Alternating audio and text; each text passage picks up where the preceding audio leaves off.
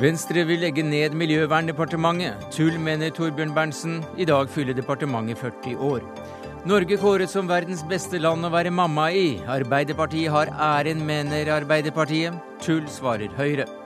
Universitetet i Oslo har misbrukt vikingskipene i spillet om nytt museum i Bjørvika, hevder arkeolog. Tull, sier tidligere museumsdirektør. Og regjeringen deltar ikke på Oslo Freedom Forum pga. misunnelse, mener utenriksjournalist, og møter UD til debatt.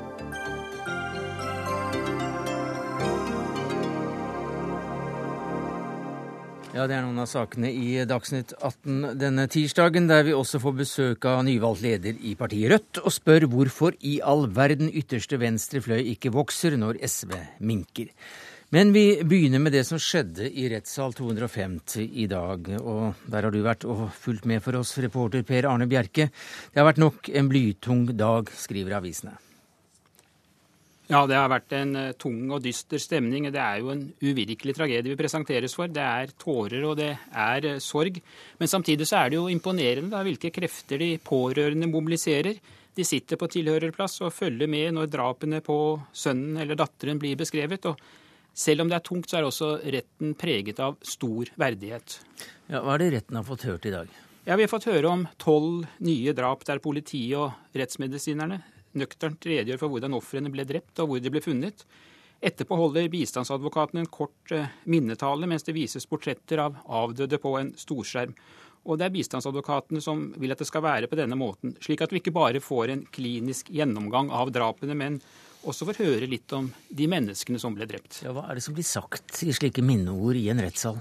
Ja, Vi har fått høre om Bano Abubakar Rashid, jenta som kom fra Kurdistan sammen med familien da hun var sju. Hun flyktet fra krigen i Kurdistan for å finne tryggheten på Nesodden. Vi fikk høre om ei sosial og skoleflink jente, ei jente som ble kåret til årets medarbeider på Tusenfryd, og som sto i spissen for Operasjon Dagsverk. Vi fikk se bilder av ei flott jente i norsk bunad og i kurdisk festdrakt. I salen satt hennes kurdiske familie. Bano ble bare 18 år. Og så fikk vi høre om Tore Eikeland, 21 år. Han ble drept på kjærlighetsstien. Statsministeren har beskrevet ham som en av partiets mest lovende ungdomspolitikere. Han var leder i Hordaland AUF, og han ville fått plass i fylkestinget ved valget i fjor høst. I retten ble han omtalt som en omsorgsfull person, opptatt av medmennesker. Han var i gang med studier i sammenlignbar politikk ved Universitetet i Bergen da han ble drept. To eksempler av mange, mange. Det finnes 69 slike historier på Utøya. I morgen begynner vitneavhørene av de overlevende ehm, på Utøya. Og da kan Anders Behring Breivik bli satt i et bakrom i retten. Hvorfor det? Ja, Det er en del av de som ble hardest skadd, som via sine bistandsadvokater har sagt at de ikke ønsker å være i samme rom som tiltalte. Belastningen blir rett og slett for stor. Og Det betyr at tiltalte kan bli nødt til å følge deler av vitneforklaringen via TV-overføring fra et annet rom. Uansett så er det planer om å flytte Breivik til en benk bakover, slik at massemorderen kommer litt lenger vekk fra de overlevende ungdommene fra Utøya, når de kommer til sal 250 for å vitne.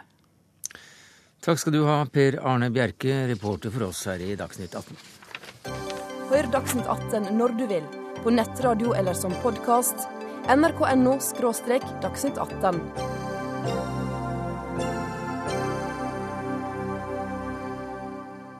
Vikingskipene og samlingen på Bygdøy kan bli mye, en mye større verdensattraksjon, men eh, da må den norske stat og Universitetet i Oslo holde opp med den stemoderlige behandlingen de har holdt på med siden 1957. Ja, Det skriver eh, du i en kronikk i Aftenposten i dag, Knut Påske. Du er leder av avdelingen for arkeologi ved Norsk institutt for kulturminneforskning. Hva legger du i stemoderlig behandling? Jeg har jo sett på det litt historisk, da, hvordan eh, dette museet har vært drevet opp gjennom årene. Og man bør jo gå langt tilbake og se allerede hvordan disse funnene kom inn i sin tid. For det var jo faktisk private midler som eh, gjorde opp for eller kjøpte ut disse gjenstandene og forærte de til staten, som jeg vil si, da, ved Universitetet mm. i Oslo. Treskog-familien. Ja, og sånn har det egentlig vært hele veien eh, fremover. At mye av de eh, utleggende investeringene som har vært gjort ute på Vikingskipshuset, faktisk har kommet fra annet hold.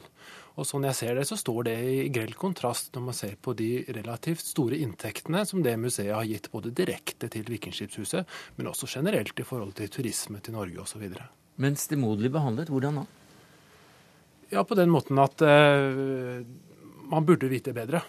Eh, altså Når man har et ansvar til å ta vare på denne sammenhengen, ikke bare på vegne av norske stat og norske folk, men faktisk for hele verden, for dette er en helt unik samling, så burde man absolutt ha visst bedre at her burde man ha puttet større midler og større innsats inn. Både i å formidle det, men også for å ta vare på det. Universitetet i Oslo har brukt vikingskipene som brekkstang for et nytt og moderne museum i Bjørvika, sa du til Kulturnytt eh, tidligere i dag. Ja, det er jo min påstand. da. Jeg er ikke sikker på at uh, Egil Mikkelsen her vil være enig med meg i det. Men nei, nei, likevel det, det, kan vi komme tilbake til. Ja, hva mente du med det? Ja, ja, Jeg mener ganske klart at her uh, har, har, man altså valgt å fokusere på vikingtid, mm. og, og, nettopp for å bygge dette museet. Altså Man tenkte noe stort og tungt og kraftfullt for å vinne den store debatten mellom alle disse museene som jo slåss om midlene i disse dager. Og da var Vikingskipene et gylden kort på hånden. Ja, hvilket ansvar har da tidligere leder for, for museet?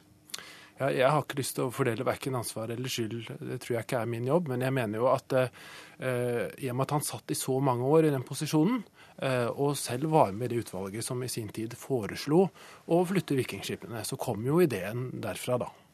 Og han vi snakker om nå, det er jo da deg, Egil Mikkelsen, en av de som eventuelt er ansvarlig for, for dette her. Du var tidligere museumsdirektør for Universitetets kulturhistoriske museer. Hva sier du til, til Påskes påstand? Nei, jeg kjenner meg ikke helt igjen i dette. Nå vil jeg si at eh, stemoderlig behandlet Eh, det har vært alltid slik at eh, inntektene fra Vikingskipshuset har gått inn i budsjettgrunnlaget for eh, hele museet. Mm. Og, altså hele Kulturhistorisk museum. Og universitetet og departementet har alltid regnet med de pengene eh, som en del av budsjettunderlaget. Og dermed så har vi ikke kunnet øremerke de midlene som kanskje mange syns var naturlig, eh, til å reinvestere i Vikingskipshuset. Men det skal jo sies at de siste 10-12 årene så har det jo skjedd veldige forbedringer. Eh, for ca. ti år siden så gikk Riksrevisjonen inn og så på både våre museer og andre museer, og så at bevaringsforhold og, og ja, konserveringsforhold, bevaringsforhold, magasiner var veldig dårlig. Og det, når Riksrevisjonen sier slik, da blir det litt mer fart i sakene. Og dermed så kom Kunnskapsdepartementet og universitetet også mye mer på banen og begynte å bevilge særskilte millioner mm. til dette. Men hva da med at uh, du og andre har brukt uh, disse skipene, de skjøre skipene som en brekkstang for å få et gigantmuseum til Bjørvika? Overhodet ikke.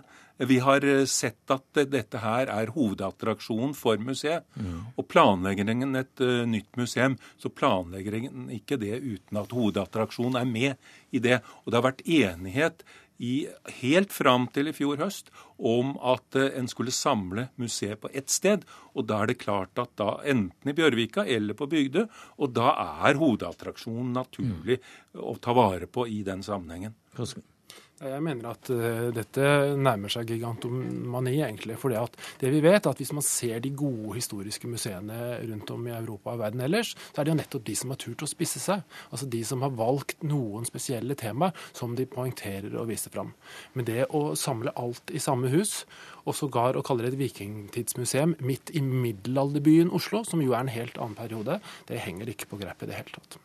Ja, Nå må du slutte å tulle med det, fordi at Gokstadskipet Eh, og Tuneskipet ble gravlagt eh, i samme århundre som Oslo ble etablert som by, i gamlebyen. Så å drive og finkronologi på vikingtid, middelalder her, det, det er tull. Eh, museet forvalter alle middelalderfunnene fra gamlebyen, gamle Oslo. Og vi har altså en vikingtid i en by som oppsto i vikingtid. Sånn at det er etter mitt syn det rette stedet for å samle dette. Og det mener du fremdeles? Og det mener jeg fremdeles. For... På tross av den rapporten, knusende rapporten som mange mener at det var som dansken var sjef for? Ja, men altså Da må en lese det som står i rapporten, og ikke det som, som statsråden sier på pressekonferansen. Leser en rapporten, så ser en jo at det er veldig at veldig mye skal flyttes og røres på også om det blir værende på Bygdøy. Og mm. det, altså, Skal det bygges nytt hus, så skal det sprenges og spunses, og det skal stenges ned i to år. Og hvordan vil gjenstandene ha det i den tiden i forhold til å flytte det til et nytt museum? Så kan man like gjerne flytte det? Heldigvis så har vi skrinlagt den debatten. Både rapporten sånn slik jeg ser det, men også heldigvis da departementet har sagt et endelig nei. Og det er det flotte her, egentlig, at når vi går ut herfra i dag, så kan jo Egil Mikkelsen og jeg enes om det viktigste, og det er å løfte denne samlingen opp til det nivået den egentlig fortjener. men har du lest den samme rapporten som Mikkelsen? Jeg hører at Mikkelsen sier at det er ingenting i denne rapporten som sier at det ikke kan flyttes når du først må flytte på den. så vidt jeg vet, så i hvert fall så langt så har han, er han den eneste som eh, har den påstanden, at, eh, og kan konkludere på en annen måte enn eh, alle andre fagfolk som har lest og jobbet med grunnlaget for mm. dette arbeidet. Ja, altså jeg, jeg tror at det er mange som kan lese grafiske fremstillinger. Og i den grafiske fremstilling som er i rapporten, der viser en at risikoforskjellen mellom å bygge nytt på Bygdø og å flytte det til et nytt bygg i Bjørvika er marginalt. Og det, det Ja. En må gå inn i rapporten. Den ligger på Kunnskapsdepartementets sider. Gå inn og se på de grafene som ligger der, så vil en se at det er marginale forskjeller. Marginale forskjeller. Ja, jeg er jo helt enig. Det er ingen, for det første bør man ikke sprenge der ute. Der ute er det alunskifer. Det kan du grave med spade om du ønsker det. Og det er ikke nødvendig å fundamentere på den måten i det hele tatt. Og det viktigste er jo å beholde samlingen på ett sted. Og skipene har det vært diskutert om hvis de skal rekonserveres eller konserveres, om man faktisk må flytte dem. Men da er jeg helt enig med vår minister som sa at da bør det være meter og ikke kilometer det er om. Nei, for uh, Det er litt uenighet også hvor skjøre de egentlig er, Mikkelsen. For i, uh, i et uh, intervju med Kulturbeite så sent som i 2006 så, så viste de, du til at at eh, det ikke var så lenge siden at rengjøringsfolk gikk og trampet opp i vikingskipene for å støvsuge dørken. Ja, Konservatorene ved museet gikk da opp i skipene og støvsugde dem. Så at eh, det er noen gjenstander som er veldig skjøre. Men det er bare et par sleder og, og en møkkagreie? Det er tre sleder og en vogn først og fremst som ja. er veldig skjøre. Alle de andre gjenstandene som er utstilt i dag på Vikingskipshuset, bortsett fra skipene og de fire gjenstandene, ble så sent som i 1997-98 flyttet fra utstillingene ned i kjelleren på Vikingskipshuset, behandlet, støttet opp og flyttet opp på plass igjen. Det var én gjenstand som fikk en liten brekkasje som kunne repareres. Det var det som skjedde. Heldigvis har norske arkeologer og tekniske konservatorer blitt klokere med årene. Og det er riktig at det er en historie tilbake i tid som vi ikke skal være like stolt av hele veien. Men den historien har jo hatt en ledelse, da, bl.a. med direktøren som sitter ved siden av meg her. Og jeg også kjenner til historien om at i 1955 var det faktisk noen om bord. Men det var også siste gangen. Eh, det er ingen konservator eller andre som vil våge å gå om bord i disse skipene i dag. Og Jeg har selv jobbet under det. Jeg har vært under tuneskipet en hel vinter, slitt ut to par bukser. Og hver dag når jeg kom hjem, så kunne jeg riste på håret og fikk altså tuneskipet i suppa da jeg satt og spiste. Det drysser av disse skipene, og de tåler ingen berøring. Eh, Påske, eh, la oss bare avslutte med å se framover. Vi skulle gjerne hatt eh, universitetsledelsen her i dag, men, men, sjefen vår det hele han sitter i budsjettmøter, og det er vel ganske viktig for vikingskipene også. Men hva er det universitetet og departementet må gjøre, og det ganske straks, ifølge deg, som du skriver om i avisen? Ja, Det første er selvfølgelig det man er i gang i, altså ta samlingen alvorlig på den måten å kartlegge og fullføre dette allmennprosjektet, som jo er veldig viktig. Eh, slik at vi får en bedre, enda bedre kunnskap om samlingen. Men dette kan jo løftes til å bli en helt annen attraksjon. I dag har man et sted mellom maksimalt 300 000-400 000 besøkende. Her er det mulighet til å doble. Vasamuseet i Stockholm har 700 000, og det er ingen grunn til at en verdensattraksjon som eh, Oseberg ikke skal få like mange. Her trengs det nye fasiliteter. Det trengs muligens et nytt bygg ved siden av. Og her har man alle muligheter til å lage dette til en virkelig mm. verdensattraksjon. Men ikke et nytt sted, altså. Takk skal du ha, Knut Foss Påske, leder av avdelingen for arkeologi ved Norsk institutt for kulturminneforskning, og til deg, Egil Mikkelsen, tidligere museumsdirektør for universitetets kulturhistoriske museer.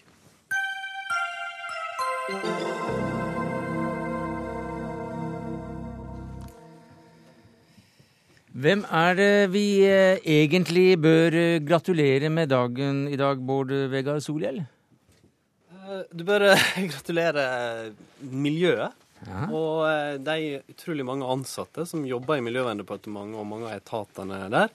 Og er mange politikerne, eksempelvis Torbjørn Berntsen og Erik Solheim og andre, som har satt sitt stempel på Miljøverndepartementet. For vi, eh, Miljøverndepartementet fyller altså 40 år.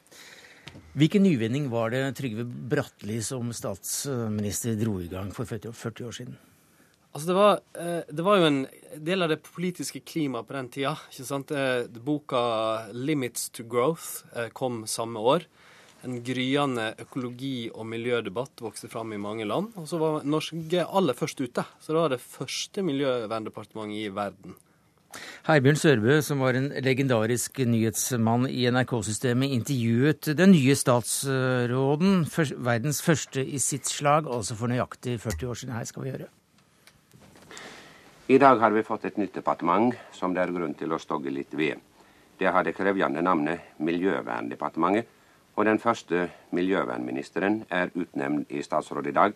Det er tidligere lønns- og prisminister Olav Gjervold. I samband med det saksområdet som de nå får Gjervold, så kjenner vel de fleste dykk som naturvernmann, mellom annet som formann i Statens naturvernråd. La meg spørre slik, er De redd for å få bråk med industrien og kraftutbyggingsinteressene til dømes? Nei, jeg vil jo gjerne innledningsvis si at det er ikke dette departements eh, oppgaver å stikke kjepper i, i hjulene. Dets oppgave er ved en bedre samordnet planlegging å lede utviklingen slik at vi kan unngå de ulemper som eh, den menneskelige aktivitet eh, har ført med seg. Og dette å ikke stikke kjepper i hjulene for kraftpolitikerne, det har vel blitt stående som et mantra i departementet ditt, eh, Solhjell, hvis vi skal tro miljøvernbevegelsen? Ja, jeg syns det, det, her intervjuet og den, den reportasjen ga et godt inntrykk av hvordan kanskje departementet så seg sjøl og, og verden så det de første åra. Så mener jeg den har gått gjennom noen store endringer. For det første, er mange miljøproblemer er faktisk løst, utrolig nok. Sånn at vi ikke engang hører om dem. På grunn av departementet? På grunn av eh, internasjonal miljøpolitikk, norsk mm -hmm. miljøbevegelse, departementet og mye annet. Men for det andre så er det nok gått fra, vil jeg si, fra svakt til ganske sterkt i norsk forvaltning. Eh, og fra å være litt sånn sektororientert til at det nå er, er med et departement som har en litt mer overordna rolle. Jeg bruker å si at det er like viktig å ha en økologisk ansvarlig politikk som økonomisk ansvarlig politikk. Og sånn prøver vi å tenke litt i Miljøverndepartementet. At vi har et overordnet ansvar for samfunnsutvikling. Det var vel omtrent det den første statsråden også sa. Men, ja, men det vi, det vi er nok litt mer uenige om, er det med å stikke kjepper i hjulene. For jo, faktisk, miljøpolitikken må av og til og såkalt stikke kjepper i hjulene. Altså, altså eh, ta fighter med andre hensyn. Men da som en eh, bursdagshilsen så foreslår altså partiet Venstre å legge ned departementet i sin nåværende form, Guri Melby. Du er leder av Venstres programkomité. Hvorfor det? Altså Det jeg har foreslått, det er jo å gi Miljøverndepartementet da altså Bård Vegar Solhjell mye mer makt i klimapolitikken. Og gjøre det om til et klima- og energidepartement som kan se nettopp denne klimapolitikken og energipolitikken i sammenheng med det klassiske naturvernet og miljøvernet, som var veldig viktig da Miljøverndepartementet ble oppretta.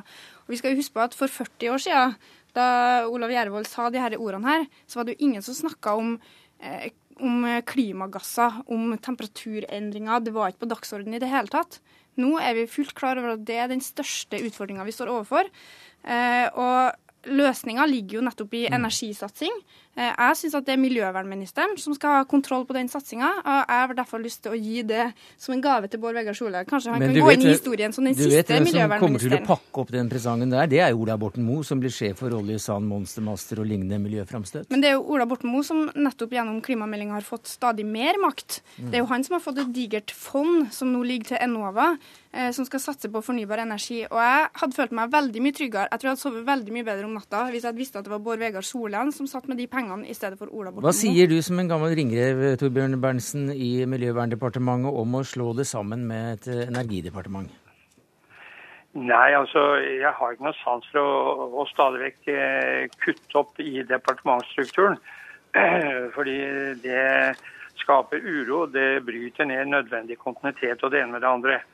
Ellers så er jeg enig i det at vi godt kan eh, overføre Enova til Miljøverndepartementet. Det var vel egentlig i sin tur et forslag også om at det, det energifondet skulle ligge der. Men ellers er jo alle de tingene som blir nevnt her når det gjelder klimagassutslipp, det er jo sektorovergripende problemstillinger. Det er Samferdselssektoren slipper ut, industrisektoren slipper ut osv. osv.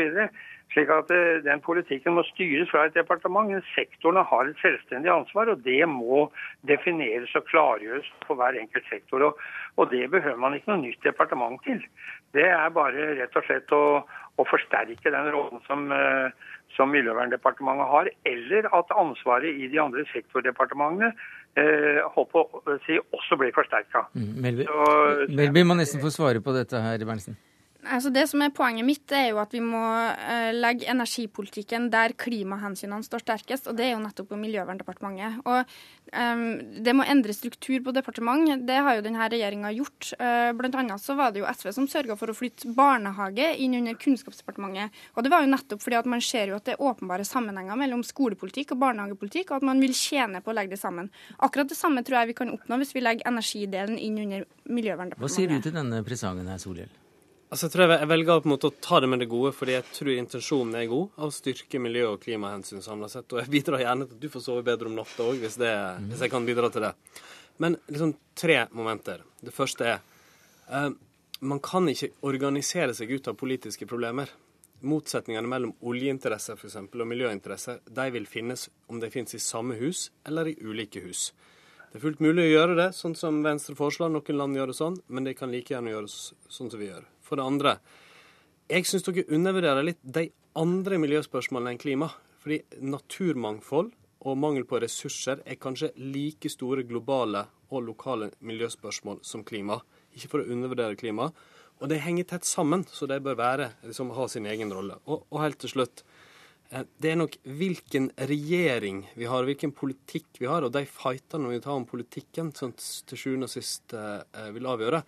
Og når Finansdepartementet har mye makt, så er det ikke fordi at de har samla alle andre hensyn i sitt departement, men fordi de har klart å få en overordna rolle i klimapolitikken. Ja, for Mitt neste spørsmål til Melby er nemlig altså, hvorfor får vi ikke et finans- og miljøverndepartement?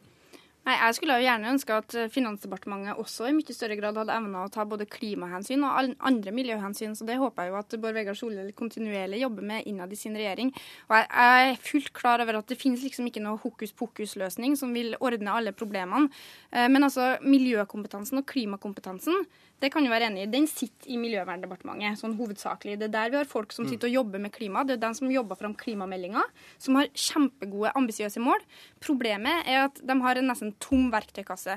De har nesten ingen virkemiddel. De er fullstendig avhengig av den jobben som gjøres i andre departement. Så jeg synes jo at i tillegg til at Miljøverndepartementet skal fortsatt ha det overordna ansvaret, så syns jeg også at de skal ha en mye mer sånn aktiv rolle og kunne gå inn eh, å gjennomføre noen endringer som gjør at vi når de her målene? Få svare kort på det. for det, eh, Ja, Miljøverndepartementet er avhengig av andre departement, som Finansdepartementet er avhengig av andre departement. Men at vi ikke har virkemidler, er helt feil. Vi har hele den internasjonale klimapolitikken hos oss, skogprosjektet, forhandlingene. Vi har Klima- og forurensningsdirektoratet, som jobber under oss. Vi har planpolitikken, som er viktig for transport og bygg osv. Men vi er òg avhengig av andre eh, Dere får 4 av statsbudsjettet. Og dere kan ikke gjøre noen ting for å bygge ut nye vindmølleparker. Og vi har blant de fleste ansatte av alle mm. departementer. Så det er ulike måter å måle det på. Vel, vi har mye eh, styrke sjøl, men vi er òg avhengig av det. Berntsen, du som da holdt på en stund. Det er jo flere av eh, de til stede her i dag som da kanskje ikke var født da dette departementet så dagens lys. Hva vil du si er de viktigste seirene for departementet som sådan? Nei, du vet, det er som uh, også Bård Vegar sier her, det er mange andre ting. Hele naturvernpolitikken, som jo er eldre enn selve departementet, uh, har jo hatt uh, ja, Der er oppnådd veldig store resultater på forurensningssida, både når det gjelder luft og vann. Store resultater, hele avfallspolitikken. Og Jeg skulle ønske mange fikk anledning til å lese den 40-årsberetningen som er skrevet i anledning dette jubileet, som viser hva departementet faktisk har levert. Og det er ikke noe småtteri. Og det å ta og disse sektorene, altså samferdsel. Samferdsel kommer til å få å ha ansvaret for eh, klimagassutslippene fra samferdselssektoren uansett. Det er bare spørsmål om hva slags forpliktelser som samferdselsmyndighetene skal ha, som mm. oljemyndighetene skal ha, og som industrien skal ha. Det er en overordna politikk som, som, regjeringen må fastlegge. Og så får Miljøverndepartementet ha en koordinerende rolle og dytte på og kontrollere at tingene skjer sånn som forutsatt. Og det er ikke nødvendig å lage noe nytt departement for dette her, her i det hele tatt. Det tror jeg rett og slett er et blindspor, for å si det som jeg mener. Takk skal du ha, Torbjørn Berntsen, tidligere miljøvernminister. Takk til deg, Bård Vegar Solhjell, nåværende miljøvernminister, og til Guri Melby, leder av Venstres programkomité, og gratulerer med dagen.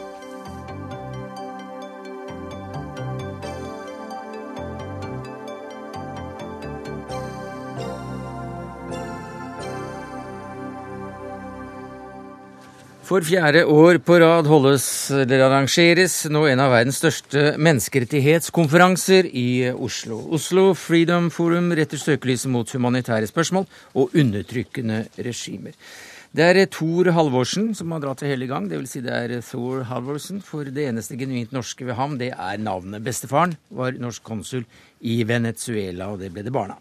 Halvorsen, uh, velkommen til Dagsnytt 18. You are the founder of Oslo Freedom Forum. Uh, why did you initiate this forum?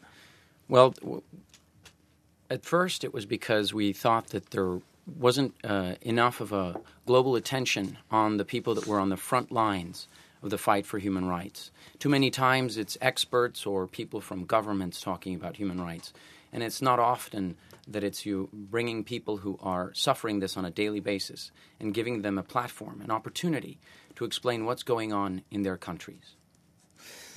Um, Tor Halvorsen mener altså da at um, han ville gi de det gjelder, oppmerksomhet, en plattform, og ikke bare eksperter og politikere.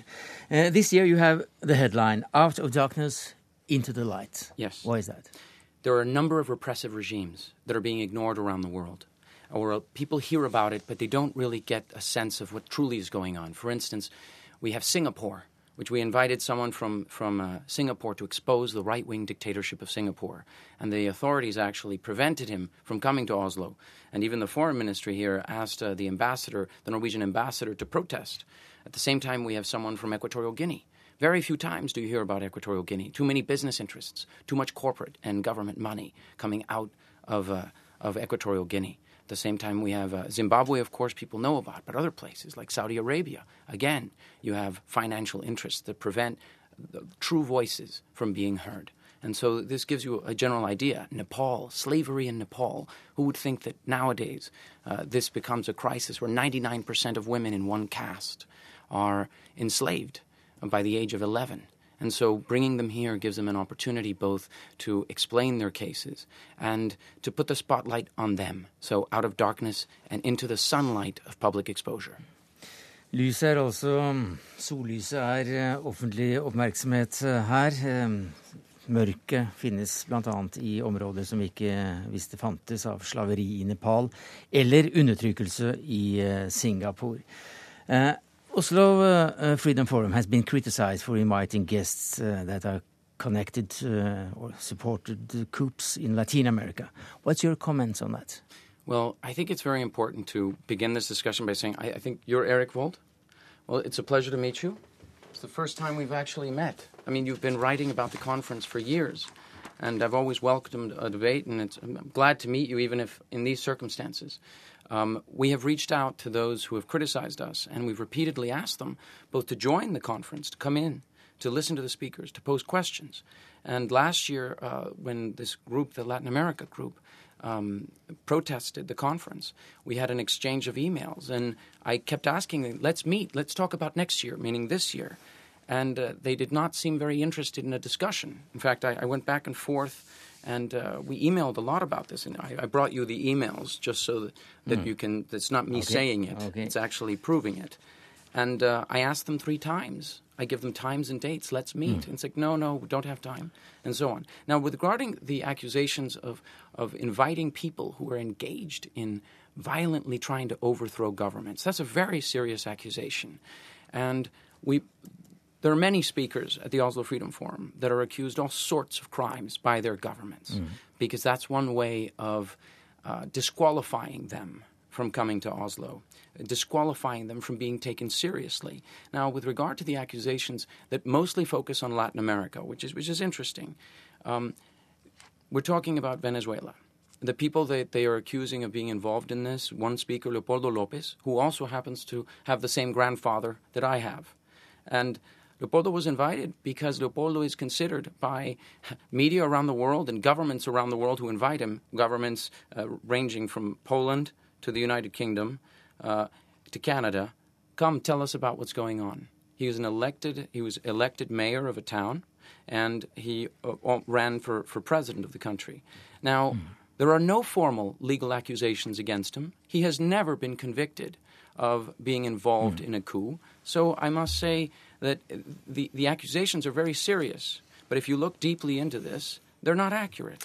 Uh, Tor Halvorsen han um, tilbakeviser altså at, um, at uh, forumet inviterer uh, folk som har støttet kupp uh, rundt omkring. Og det var et gripende øyeblikk her. Dagsnytt 18 Connecting People.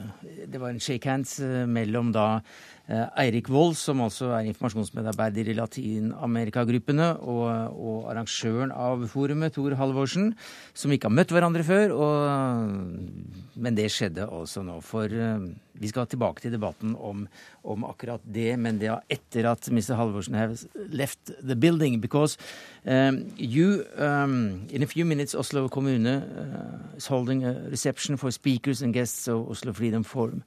But before you leave, uh, we'll soon have a discussion also on why the Norwegian foreign minister has not, still not attended the conference in four years. Uh, what's your comment on that fact? I've met the foreign minister many times in his office, uh, at his May 17th party, to which he graciously invites me every year, and he has expressed to me in person that he supports what we do, that he believes that we are part of the mosaic of human rights in Norway. Mm-hmm. And he has made it very clear uh, by acting, by providing us with financing. So the, we are able to welcome our guests to the city of Oslo, which also very, very helpfully finances the conference. And it's the foreign ministry is a part of that. Now, this morning at the breakfast, Anne Merchant, his ambassador for human rights, was mm-hmm. present. They always have someone present. But uh, I don't know if you want to translate that. I have a couple of other Oh, I'm sorry. You do, you don't have the time because the major is waiting for you. So you yes. have to leave the taxi or the, I have to leave. The car, the car is waiting. But thank you very much and uh, welcome back. In, um, Excellent. And uh, hope to see you soon again. Thank you. Kristoffer uh, Rønneberg, uh, du er uh, journalist med utenriksstoff som spesial i Aftenposten. Og i motsetning da til grunnleggeren av forumet her, så kritiserer du utenriksministeriet ved både utenriksministeren og utviklingsministeren for ikke å, å delta. Ja, det, er mulig, det, er mulig, at vi sier det samme, men at jeg er noe mindre diplomatisk. Det er, eh, det er, jo strålende at, eh, at, UD og Oslo kommune støtter eh, denne konferansen, som er en helt spesiell møteplass for menneskerettighetsforkjempere fra hele verden. Mm. Det er veldig flott, men det hadde vært enda bedre om utenriksministeren, utviklingsministeren eller andre fra den politiske ledelsen i UD kunne stille opp, kanskje holde et innlegg og kaste glans over, over dette, denne konferansen. Ja, Du ikke bare kritiserer at ikke de gjør det, men du, du spekulerer også på om det kan være sjalusi som ligger bak? Nei, altså Det jeg mener med det, er at uh, dette, ja, det dette, arrangementet det har fått til noe som ingen norske aktører har uh, fått til. Og Jeg har registrert når jeg har snakket med folk uh, i, i, miljøet, at, at, det er en, en mistro mot hva som er motivene bak det, som kanskje overskygger hva konferansen faktisk får til. Mm. Og det er å være en, en, møteplass som sagt, og et sted hvor folk kan, kan la seg inspirere. Men i artikkelen i dag så skriver du misunnelse. Ja, og det er det jeg forklarer uh, her. At uh, jeg tror nok at uh, noe av årsaken er at dette her er noe veldig mange gjerne skulle ha gjort, men at de ikke har fått det til. Hva sier du til det, statssekretær Gry Larsen? Dette er ikke noe som helst misunnelse. fordi tvert imot, vi støtter jo denne konferansen økonomisk. Og grunnen til at vi gjør det, det er jo fordi at på konferansen så kommer det mange modige stemmer som løfter opp eh, viktige perspektiver når det gjelder menneskerettigheter. Og ikke minst så er de vitnesbyrd eh, fra sine land på hva eh, som skjer. Det er grunnen til at eh, Utenriksdepartementet har støtta denne konferansen hvert eneste år så lenge eh, den har vart. Eh, og ikke, altså vi, vi, har egentlig ikke for vane å støtte denne type konferanser i Norge. Fordi at mesteparten av våre penger på menneskerettigheter, det ønsker vi å bruke i de landene der menneskerettigheter er en utfordring. Så det er svært sjelden vi støtter den type arrangementer. Men grunnen til at vi nettopp gjør det, det er jo fordi at det har blitt en, en plattform og hvor det kommer veldig mm. mange modige mennesker. Rønneberg, ja, et øyeblikk, vi må nesten få Rønneberg inn bare til å kommentere det. Ja, som sagt, Det er jo veldig flott med den økonomiske støtten, men det er noe litt annet å, å være der og kaste glans over det og anerkjenne det på den måten her. Dette er, er sannsynligvis verdens største menneskerettighetskonferanse. Og Norge, som den menneskerettighetsnasjonen uh, UD fronter det til å være, bør være til stede på en sånn konferanse. Men la meg komme til det. Det har alltid vært medarbeidere fra UD som har deltatt på konferansen. Det er også sånn at jeg har hvert eneste år, bortsett fra ett år hvor jeg var i svangerskapspermisjon, vært innom eh, konferansen og lytta til eh, de menneskene som har snakka. Eh, utenriksministeren han har vært i Stortinget hele dag. Nå er han på vei til Polen på, på statsbesøk og er der eh, de nærmeste dagene. Sånn at, at at jeg tror også at, at man må tenke at sant, deltakelse på denne konferansen Vi har deltatt, vi kommer til å gjøre det. Jeg har tenkt å være innom i, eh, i morgen. Men, men, det er ikke sånn heller at deltakelse på den konferansen fra utenriksministeren nødvendigvis er det som definerer om vi er opptatt av menneskerettigheter eller ikke. Det er også sånn at vi har møtt Tor Halvorsen. Vi har også møtt veldig mange av de modige menneskene som deltar mm.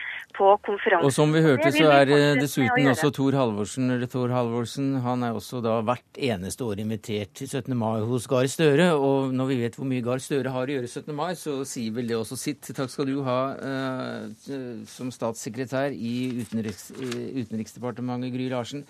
Vi nevnte altså deg, Eirik Wold, informasjonsmedarbeider i Latin-Amerika-gruppene. Eh, og du kunne gått i, rett, rett, i en debatt med, med, grunnleggeren av forumet her, men det ville tatt litt for lang tid. Han hadde det for travelt. Men hva er dere mest skeptiske til? Nei, Vi i Latin-Amerika-gruppene vi mener at eh, menneskerettigheter er et veldig viktig spørsmål. Og det er et for viktig spørsmål til at man kan misbruke det eh, til snevre politiske interesser. Ja, hvordan gjør de det her? Det har blitt gjort ved at eh, OFF ved flere anledninger har invitert uh, mennesker som har vært direkte involvert i og støtta offentlig opp om militærkupp mot demokratisk valgte regjeringer i Latin-Amerika. Ja, og det, det er veldig tynt grunnlag han har å tilbakevise det på. Det gjelder f.eks. hans egen fetter, Leopoldo Lopez, mm. som ble presentert uh, som hero of human rights, som altså ble filmet mens han arresterte den lovlig innsatte justisministeren under militærkuppet i Venezuela i 2002. En handling som ble fordømt offentlig av bl.a. Amnesty International og hele det internasjonale samfunn. Er det en bakside som er forholdsvis mørk, Rønneberg? Det er, eh, det er, to punkter jeg vil ta opp der. Det ene er at uh, gjestene det er snakk om, var uh, på, på, konferansen i fjor. Uh, så vidt jeg kan se, så er det ikke noe problematisk med gjestelisten i år. Det andre er at Latin-Amerika er en del av verden. Verden er veldig mye større enn det. Tallene fra Oslo Freedom Force tilsier at 15% av innlederne kommer fra Latin-Amerika. Jeg var på to av seansene i, i, dag hvor diskusjonene var veldig brede. Det var mennesker fra mange ulike steder i, i verden. Og de delte sine historier om hvordan det er å leve i undertrykkende regimer. Og Noe av det som er mest positivt med denne konferansen, som jeg hører, som jeg hører stadig vekk fra, fra, deltakerne, er at de har muligheten til å møtes på et sted som dette her og utveksle erfaringer. Og også føle at de er en del av noe større. Eh, for eh, så vidt jeg skjønner, kan det mm, fort skje at man føler seg litt ensom og isolert i disse landene. Jeg reagerer litt på at man fremstiller Latin-Amerika som et marginalt fenomen her. Altså Det er snakk om et kontinent med 600 millioner innbyggere som i over 40 år har levd eh, under en lang rekke brutale regimer som er innsatt nettopp ved den type militærkupp som flere av Halvorsens inviterte såkalte Heroes of Human Rights har deltatt i. Men hvordan misbruker eh, organisasjonen disse navnene? Nei, det er, jo, det er, jo, altså Hvis du ser presentasjonen på disse gjestene, da, for, ta f.eks. en annen Armando Valladares, som kom, har kommet i to år på rad. Eh, han fikk utdelt en hedersmedalje av militærkuppregimet i Honduras året etter et Mm. brutalt militærkupp der. Det blir ikke nevnt et ord. Så et av de store problemene er at vi kan sto, ingen kan stole på det OFF skriver om sine egne gjester. Halvorsen skrev ikke et ord om den ekstremt kontroversielle rollen som Lopez spilte under militærkuppet i Venezuela, og som også ble filma. Og han sa ikke engang et ord om at, eh, om at Lopez var hans egen fetter, og at han var presidentkandidat. Men eh, Rønneberg, det er, det er litt risikofylt det at det er én person som står bak noe slikt, og som da drar det hele i gang, og som eh, da er vanskeligere å titte i kortet. Ja, nå er det litt dumt at Larsen ikke lenger er på telefonen, for jeg skulle, jeg skulle gjerne spurt om, det, om hun kunne bekrefte at dette også er tilfellet i UD, at dette er noe av grunnen til at, at politisk ledelse holder seg Du, hun er med, får jeg høre her nå, så Larsen, ganske kort til deg. Eh, Hva var spørsmålet om? Om det er riktig, eh, som jeg også antydet, antydet i denne kommentaren, at, eh, at en skepsis til Thor Halvorsen og hans politiske motiver er årsaken til at politisk ledelse har holdt en lav profil eh, på denne konferansen? Vi har, altså, som jeg sa i stad, eh, jeg har vært innom eh, konferansen. Og vi har møtt veldig mange av de eh, menneskene som har eh, vært på eh, konferansen. Så er det ingen tvil om at det har vært diskusjon om eh, noen av personene som har kommet eh, på eh, konferansen. Og vi har jo lagt merke til den eh, diskusjonen. Men det har jo ikke noe å si for UDs støtte til arrangementet. fordi at vi har jo ikke for vane når vi gir støtte til arrangementer å gå inn og bestemme hvem som skal inviteres til en konferanse eh, eller ikke. Så det kan det være ulike meninger eh, om. Men vi mener at det er viktig å, å støtte en, en konferanse der det kommer mange mennesker som gjør en veldig modig jobb, og som forteller sine vitner. Det er eh, det vi fikk sagt i denne saken. Takk skal du ha, Kristoffer Rønneberg, journalist i Aftenposten. Eh, Deg, til deg, Eirik Wold, informasjonssjef og organisasjonsmedarbeider i Latin-Amerika-gruppene. Og da til Gry Larsen, statssekretær i Utenriksdepartementet.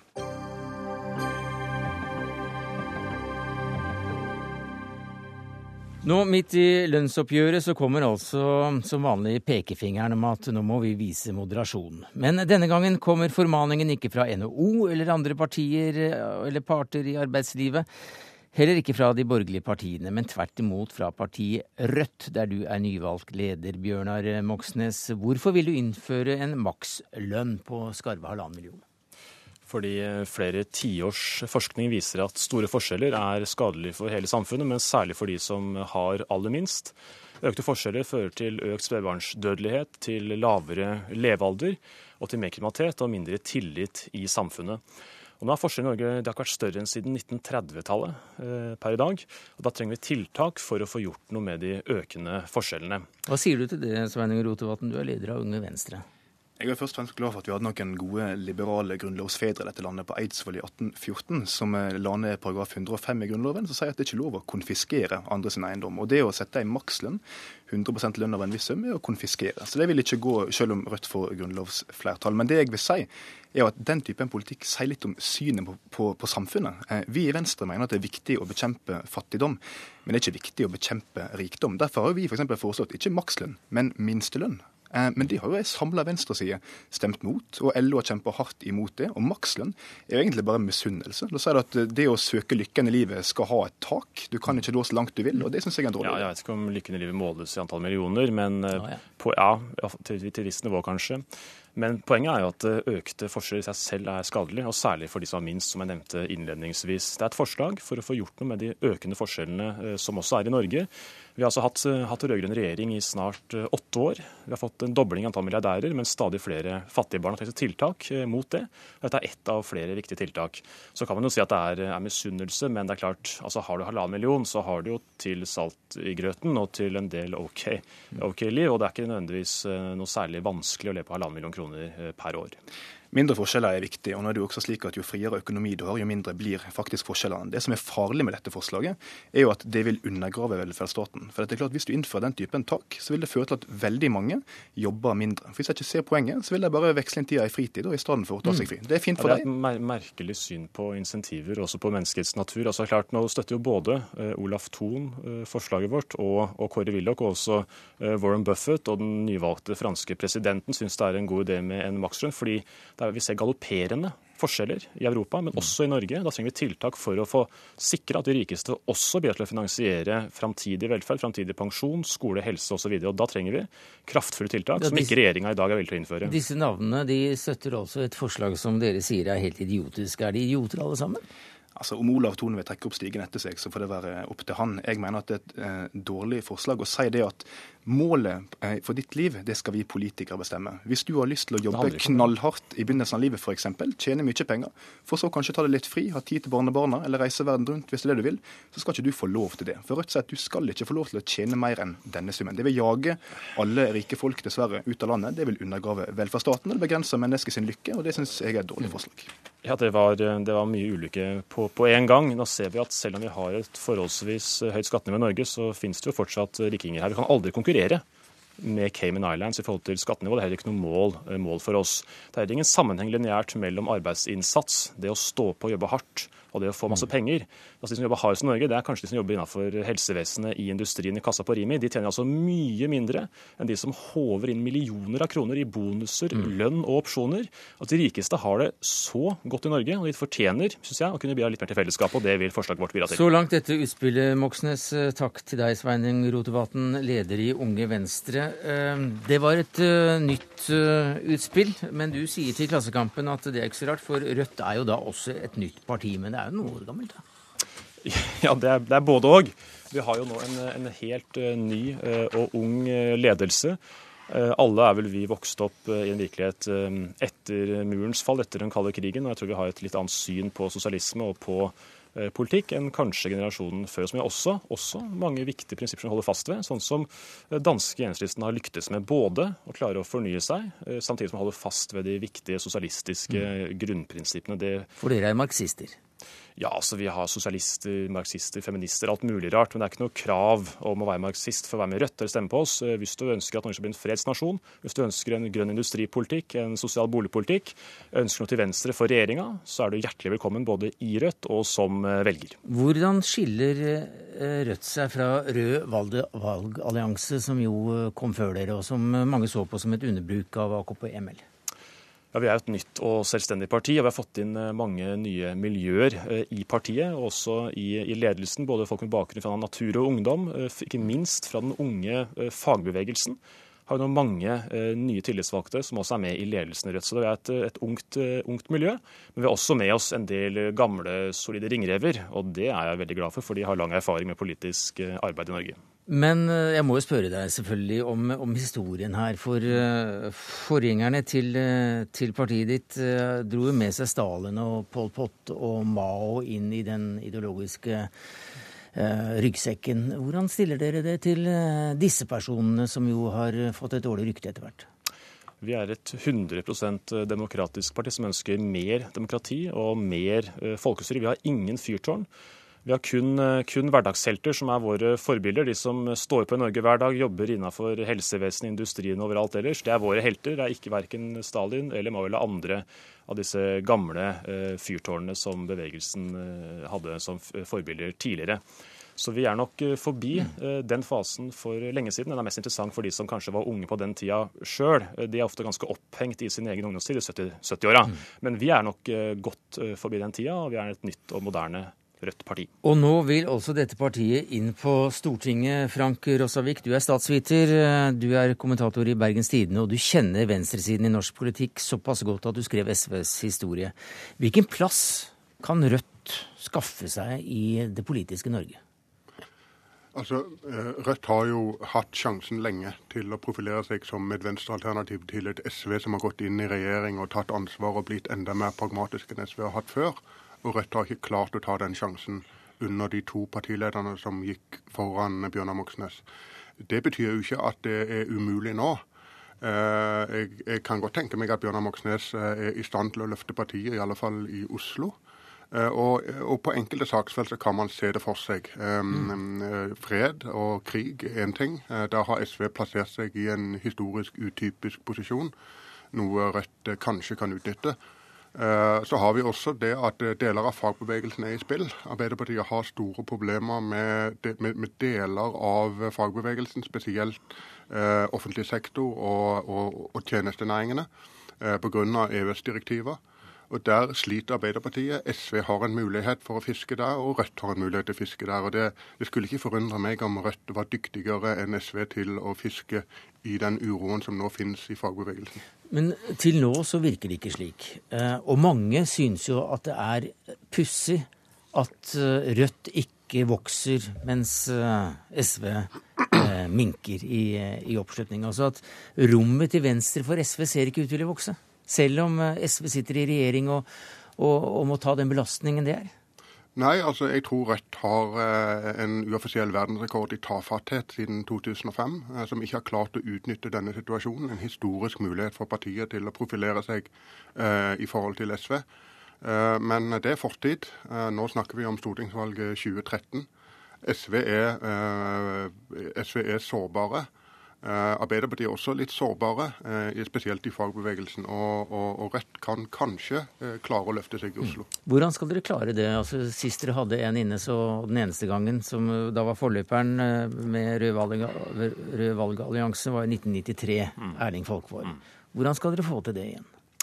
Det er nok mange i Norge som ønsker seg et uh, ekte fredsparti uh, på Stortinget. Nå har vi et enstemmig storting som i uh, åtte år har støtta krigen i Afghanistan, og som gikk enstemmig inn for krigen i Libya for bare ett år siden. Så de som ønsker et eh, fredsparti på Stortinget, vil stemme på oss. Og de som også syns regjeringa kanskje er verken særlig rød eller grønn, men som heller ikke vil ha Erna Solberg og Siv Jensen som, eh, som, statsråder, de kan også stemme på, på, Rødt. Takk skal du ha, Bjørnar Moxnes, eh, nyvalgt leder av partiet Rødt. Og til deg, Frank Rossavik, statsviter, forfatter og kommentator i Bergenstidene.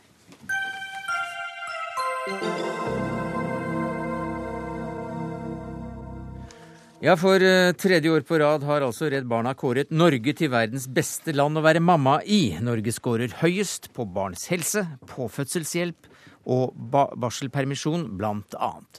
Og Jette Christensen, du sitter på Stortinget for Arbeiderpartiet Hordaland. Og hva har Arbeiderpartiet gjort for at Norge skal bli best i verden på barn- og kvinnehelse, som det jo legges vekt på i denne rapporten? Det som jeg syns er mest gledelig med denne rapporten, her er at det viser at de tiltakene vi har satt i verk, virker. Altså, særlig hvis man ser på de indikatorene de har lagt til grunn. Altså, det at det går an å kombinere det å være mor og det å være i jobb, det betyr at eh, man har et eh, arbeidsliv som er trygt, at man vet at man har den samme stillingen når man kommer tilbake igjen etter permisjon, at man har en arbeidsdag som er ferdig når avtalen sier at den skal være ferdig, sånn at du kan gå og hente ungene dine i barnehagen, at det er barnehage, at vi har innført makspris, og ikke minst at vi har et helsevesen som tar vare på alle uavhengig av lommebok, og at vi begynner å få et mer og mer mm. likestilt familieliv. Men siden alt lykkes for denne regjeringen, hvordan vil du da male bildet av situasjonen hvis det var Høyre som hadde sittet ved rorkulten? Nei, det er jo bare å se på historien. Altså det, eh, nå har vi innført eh, en eh, makspris i barnehage. Det var Høyre imot. Vi har innført pappaperm. Det var Høyre imot. Høyre ønsker å ha et arbeidsliv der sjefen eh, er mye mer sjef enn den ansatte. Eh, hvilket betyr at man rett og slett skal eh, privatisere likestillingskampen. Og det, jeg tror ikke vi hadde vært der vi er i dag, hvis Høyre hadde stått med roret. Hva sier sånn. du til det, Julie Bråttkorp? Du er gjenvalgt eh, leder i Høyres eh, kvinneforum. Ja, og jeg er eh, trebarnsmor. Og jeg må si at i, i, min hverdag og mødre og fedres hverdag, så er det tre ting som er spesielt viktig i forhold til å kunne være en god mor. Det er én at man har fleksibilitet i hverdagen. Det er ingen familier som er like. Vi er så forskjellige. Og da må systemet tilpasse seg individene, og ikke motsatt. Og så er det nummer to. Det er at vi har en barnehage med kvalitet. Hadde det ikke vært for regjerings pådriverkraft for at de private barnehagene skulle få lov å bidra, så hadde vi ikke hatt full barnehagedekning. Det var et stort problem for få, år siden. Det vi vil også gjøre nå, med å dra det videre, det er å sørge for bedre kvalitet i barnehagene. Og en valgfrihet i forhold til tilbud. Og nummer tre en skole. En skole som skjønner at barn og elever er individer. Da må vi ha en skole som vi har i Oslo, som sørger for at det er systemet som tilpasser seg elevene, og ikke motsatt. Høres men, men, så ikke ut for en mamma i en høyreverden også, Christensen? Ja, altså eh, vi, eh, vi eh, ser jo det at de arbeidslivstiltakene vi har satt inn, er de som virker. Og det er jo de, de tingene som er gjort med fleksibilitet i forbindelse med, med foreldrepermisjon, mm. og ikke minst at, at, vi har en arbeidshverdag som du er, er, trygg i. Og det får vi ikke med Høyre sin arbeidslivspolitikk, som ønsker at, at alle skal stå stå kampen for seg sjøl. For det vi har klart, er at vi har tatt dette løftet i lag, ikke hver dame alene over kjøkkenbordet. Det funker ikke. Jeg ble litt sånn lei meg i dag når dere ringte i forhold til at det var fokuset til Arbeiderpartiet. Altså Her har Redd Barna kommet med en undersøkelse som viser ganske dramatiske forhold. For jeg må jo spørre Arbeiderpartiet, Vet du hvorfor vi ligger på topp? Jo, det er faktisk for at vi bor i et land hvor det er helt naturlig at vi kan gi barna våre god ernæring. De mammaene som ligger på bunn her, er mammaer som sliter med så elementære problemer som at de ikke får gitt barna sine tilstrekkelig med føde. Da syns jeg for en gangs skyld at vi ikke skulle begynne å gjøre dette til en debatt om pappaperm, men heller prøve å tenke på våre medsøstre. Hvordan kan vi hjelpe de til å komme seg opp i dette hierarkiet? Mm. Det er helt klart at vi skal eh, gjøre det, men vi er blitt kåret til verdens beste mammaland for tredje år på rad. Vi ble ikke kåret til verdens beste mammaland når Høyre satt i regjering. Og det Høyre har bidratt med, det er én uke pappaperm, eller én uke foreldrepermisjon. Vi har bidratt med 58. Og Høyre har bidratt med eh, at de vil løse opp eh, arbeidslivet som gjør fleksibilitet til sjefen. Eh, og Høyre har bidratt eh, til, eh, til, å innføre kontantstøtte, som har vært særlig effektivt til å ikke bare få til å hindre kvinner i å gå ut ut i arbeid, men særlig effektivt eh, å mm. hindre innvandringskvinner å gå ut i arbeid. Tove Wang, du er generalsekretær i Redd Barna. Um, det var dere som sto bak denne kåringen. Jeg vet ikke om du har lyst til å være noen dommer her, jeg antagelig ikke. men uh, tredje år på, rad så er vi altså verdens beste land for mødre. Mm. Um, er det pga. at vi er så steinrike? Altså Det er to ting som er viktig. Det ene er politisk vilje. Og det er jo ikke tvil om at satsing på likestilling, en god barne- familiepolitikk over tid, litt uavhengig av regjering, har brakt oss dit vi er nå. Og så har vi ressurser til å følge opp de planene og de, eh, de strategiene vi har for å nå gode resultater for mor og barn. Eh, det er faktisk ikke disse differansene mellom Arbeiderpartiet og Høyre som er avgjørende for hvor vi havner på denne indeksen. Det er mhm. helt grunnleggende ting som mødredødelighet, barnedødelighet, levealder, utdanning, lengde på utdanning. Og så er det to områder hvor vi scorer veldig høyt, og som gir oss uttelling. Og det er på likelønn i forhold til menn. Og det er på antall kvinner i ledende politiske posisjoner. Um, og jeg opplever ikke at det er en sånn veldig fundamental eh, uenighet i disse grunnleggende hovedprinsippene her. Det er mer den finmekanikken som man fort kan komme og diskutere. Men, det er ikke det eh, som gir utslag. Nei, da, da, lar vi den ligge. For mens du gratulerte Jens Stoltenberg i dag, så var det ikke bare da for å gjøre stas på Norge, men også få oppmerksomhet rundt landene nederst på lista, som, mm. som jo er viktigere da, tross alt. Hvilke land er det som befinner seg der? Altså Aller nederst er det Niger som ligger. og Det er et eh, land som i dag også er rammet av en tørkekatastrofe. Nå sammenligner vi land i forskjellige kategorier, så vi sammenligner også Norge med USA, som er mer sammenlignbart f.eks. Mm. enn Norge og Afghanistan. Men aller nederst så ligger de landene som er eh, i krig og konflikt, og de landene, særlig land sør for Sahara. Og spørsmålet er jo da hva kan man gjøre for å uh, høyne nivået på uh, kvaliteten uh, i å være en mamma der, Brodkorp? Altså Noe av det, det, viktige som både Redd Barna og ikke minst CARE jobber for, er jo å rette bistanden inn mot kvinnene. For det man ser at i de lokalsamfunnene hvor man har bidratt i forhold til å både drive opplæring eh, og bidra stort innenfor kvinnehelse, det påvirker fattige landsbygder på en helt annen måte enn hvis man driver generell bistand. Det er én ting. Eh, en annen ting er jo å begynne tidlig i forhold til at man, eh, man begynner med tenåringsjentene. Eh, lære de opp i forhold til prevensjon, sørge for at de får en utdanning. Det er en målrettet virksomhet som vi heldigvis i norsk politikk er ganske enige om mm. hvordan bistandspolitikken skal rettes inn. Det er helt klart, og det er jeg glad for at vi er enige om at det er den viktigste måten å oppnå ikke bare eh, å minske fattigdom, men òg skape mer demokrati og mer likestilling ute. Men vi i Norge må jo òg eh, eh, i dag få lov til å være stolte av det som vi har fått til her. Og så har vi litt igjen å gå, og da må vi ha mer av den politikken som virker, ikke den som ikke virker. Redd Barna kårer også verdens beste mammaland eh, neste år. Det er vel ingen grunn til at vi bør eh, komme oss ned på Ja, altså det er klart at De investeringene som er gjort til nå, og tatt oss til topps, de må vedlikeholdes. Det er ikke noe som eh, gjør seg selv.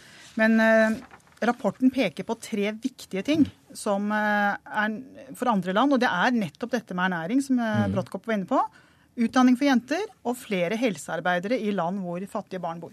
Takk skal eh, du ha, Jette Christensen, stortingsrepresentant for Arbeiderpartiet, Julie Bråttkorp, leder i Høyres kvinneforum, og Tove Romsås Wang, generalsekretær i Redd Barna. Det var det vi rakk i Dagsnytt 18 denne tirsdagen, takket være ansvarlig for det hele Dag Dørum. Det tekniske ansvaret hadde Karl Johan Rimstad. Jeg heter Sverre Tom Radøy.